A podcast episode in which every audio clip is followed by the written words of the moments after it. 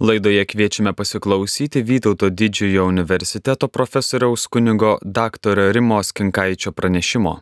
Antropologiniai, humanistiniai ir socialiniai religinio turizmo aspektai. Įrašas iš Šiluvos šventovėje nuotoliniu būdu vykusios tarptautinės mokslinės konferencijos tema Keliavimo paradigmos kaita 21 amžiuje - vartotojai ar piligrimai.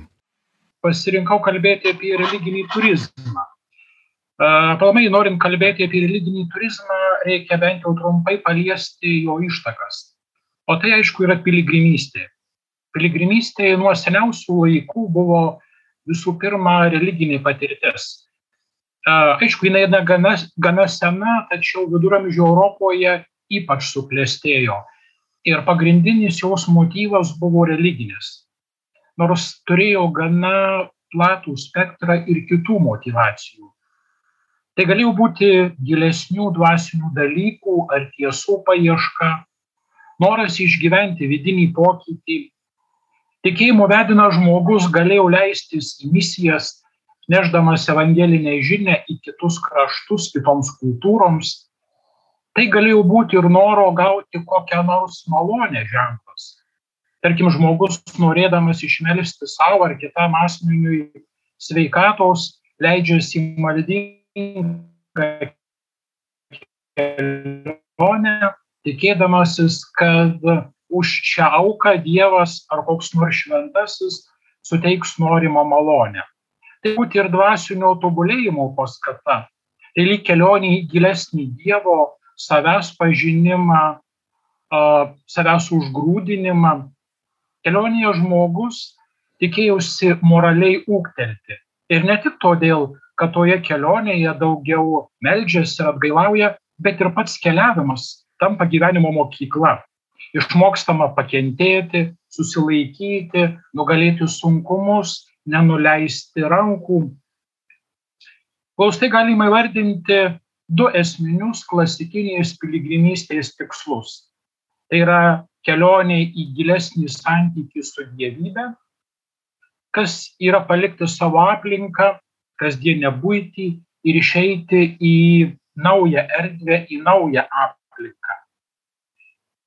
Piligrimystė buvo slėpinio, tai yra to, kas ypatinga nežemiška paieška. Tokia kelionė paliesdavo keletą santykių sluoksnių. Žmogaus su pačiu savimi, su kelionės aplinka ir galiausiai su pačia dievybė. Kartu piligrimystė ypač viduramžiais buvo atgailos praktika. Žmogus tokiu būdu norėjo apvalyti savo sielą, sustiprinti tikėjimą, galiausiai pasiruošti pomirtiniam gyvenimui. Atvykęs į šventą vietą, piligrimas išgyvena ypatingą dievybės artumą, patiria dvasinį praturtėjimą ir kartais jis sako ypatingą norą dėl kurio leidausi į šią kelionę. Šiandien greta vis mažėjančios piligrimystės sparčiai plinta religinis turizmas. Grinai religinį dvasinį motyvą keičia medžiaginis, kultūrinis, pragmatinis. Kuo skiriasi šie reiškiniai? Piligrimystė, kaip jau buvo minėta, žmogus siekia dviejų tikslų naujų stiprių dvasinių patirčių, gyvybės patirties ir kartu tai atgailos kelias, kurio tikslas vėlgi gilesnis santykis su dievybė. Religinis turizmas iš pirmo žvilgsnio nei vieno iš šių tikslų neturi. Religinis turizmas įvardinamas kaip kelionių rūšis, kurios pagrindinis tikslas yra susipažinti su religiniu paveldu, šventovėmis ar unikalia religinė patirtimi. Tai dažniausiai kelionės į šventas vietas - Jeruzalę, Meką, Lurdą ir panašiai. Tad e, pamėginkime sugretinti ir palyginti šiuos du fenomenus. Keliaudami aplankyti šventų vietų, piligrimai pasižymi tuo, jog jie keliauja vedami religinių dvasinių tikslų. Stengiasi apsivalyti, patirti kuo daugiau vidinių išgyvenimų, kurie padėtų dvasiškai aukti ir tobulėti. Tuo tarpu religinis turizmas skatina susipažinti su religinėmis vietovėmis vien iš smalsumo. Jam nebūtina turėti didesnių, kilnesnių tikslų. Religinis turizmas apima įvairias šventas vietas ir religiniais traukos objektus. Keliautojas leidžiasi į kelionę, dažniausiai turėdamas tikslą pamatyti naują religinį objektą arba vietą kaip tam tikrą kultūrinį reiškinį. Religinio turizmo traukos objektai gali būti tiek šventovės, tiek piligriminiais vietos.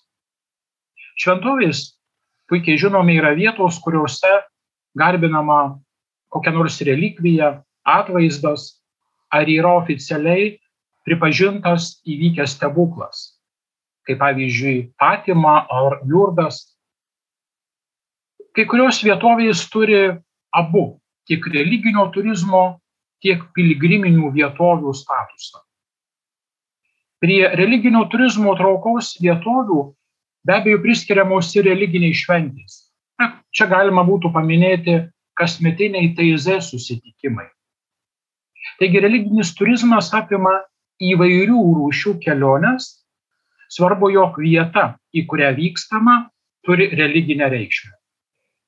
Šios vietos bendraja prasme nebūtinai turi būti susijėtos su šiais laikais gyvuojančiomis religijomis.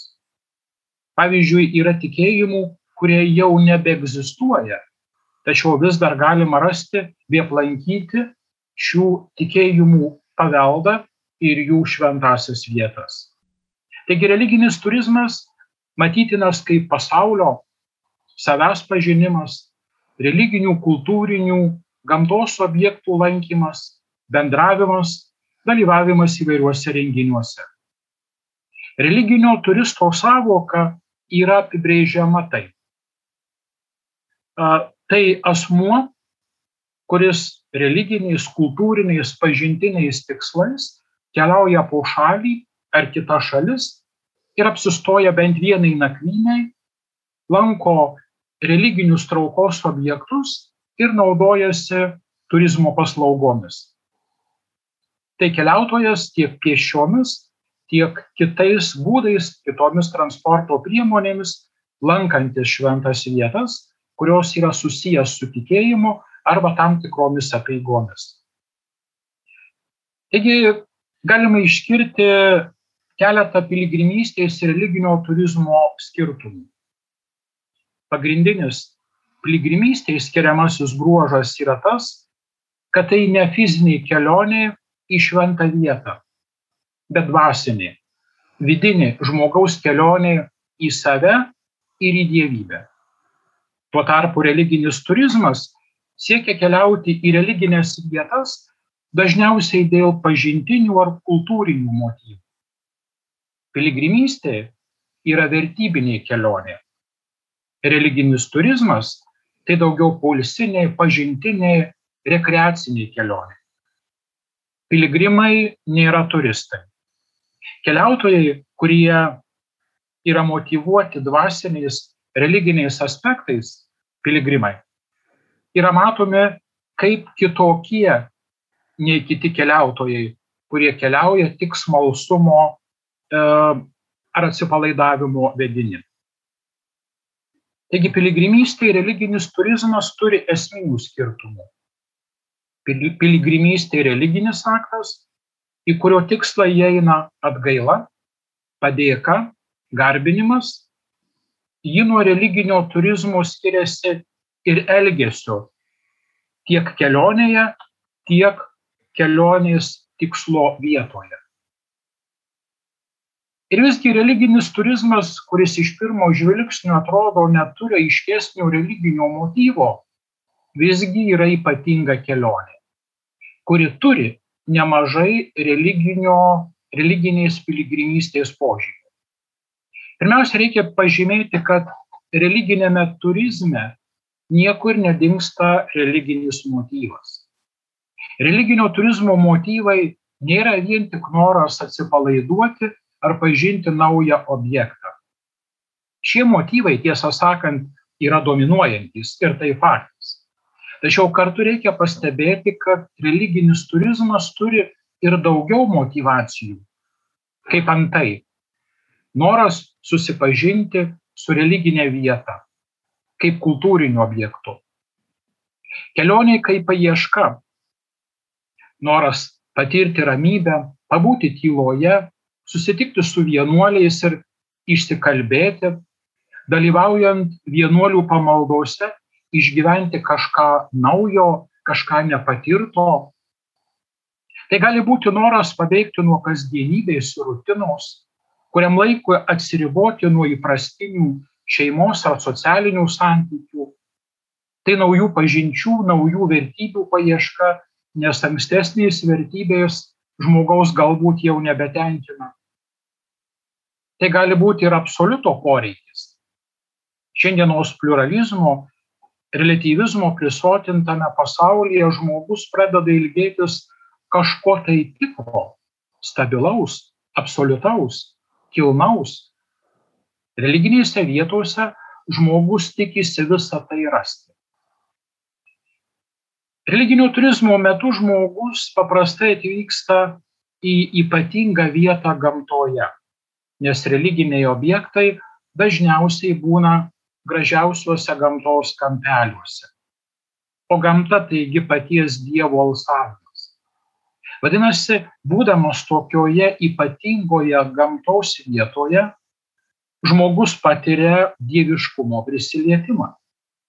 Taip žmogus neišvengiamai panyra į gerėjimąsi, kas yra savotiška kontempliacijos forma. O tai sustiprina ir praturtina žmogaus dvasinį pasaulį. Žmogus čia išgyvena didesnę harmoniją ne tik su savimi ar su kitais keliautojais, bet ir su gamta, su įsupančiu pasauliu. Tokioje vietoje žmogus giliau išgyvena ramybę.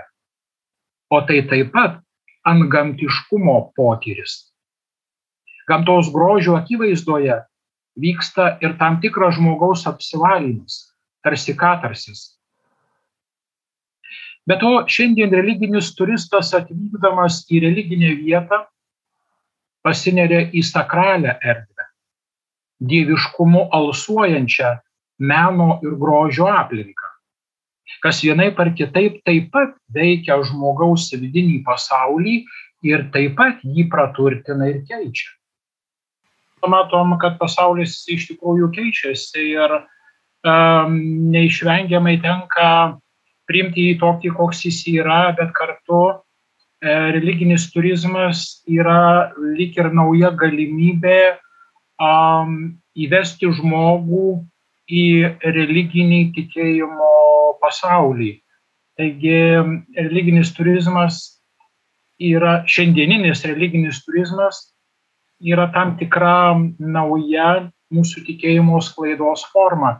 Ir čia priklauso be abejo nuo mūsų, kokiu būdu mes sugebėsim tą krikščionišką tikėjimo žinę komunikuoti religiniam turistui. E, čia jau turbūt išradingumo ir kiekvieno ypatingai dirbančio toje srityje išradingumo klausimas.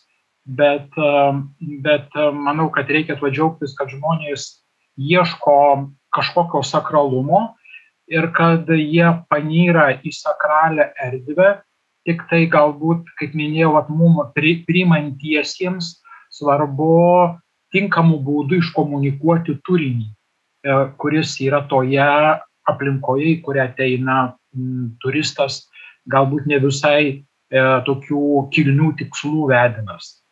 Reikia pažymėti ir tai, kad religinis turizmas labai pasitarnauja socialiniam žmonių suartėjimui. Šiandieno žmogus kasdienybėje dažniausiai gyvenantis ir veikiantis individualiai, kelionės metu išgyvena bendrystės patirtį šiandien labai dinamiškame skubėjimo pasaulyje dažnai nebelieka laiko asmeniniam bendravimui. Religinis turizmas suteikia pakankamai laiko žmonėms būti kartu, leisti laiką kartu automobilyje, traukinį, autobuse ir panašiai. Taigi tai leidžia naujai pamatyti žmonės, juos pažinti, užmėgsti santykius, dvasiškai praturtėti. Keliaujant kartu gimsta arba stiprėja altruizmo, solidarumo, jautrumo jausmai. Taip kelionė tampa savotiška žmogiškumo mokykla. Religinis turizmas taip pat gana ženkliai prisideda prie šalies ekonomikos. Transporto, viešbučių, maitinimo, aptarnavimo paslaugų sektoriuose dirba nemažai žmonių. O kur dar suvenyrai, informaciniai leidiniai. Šiuose sferose vyksta žmonių, tautų, kultūrų susitikimai.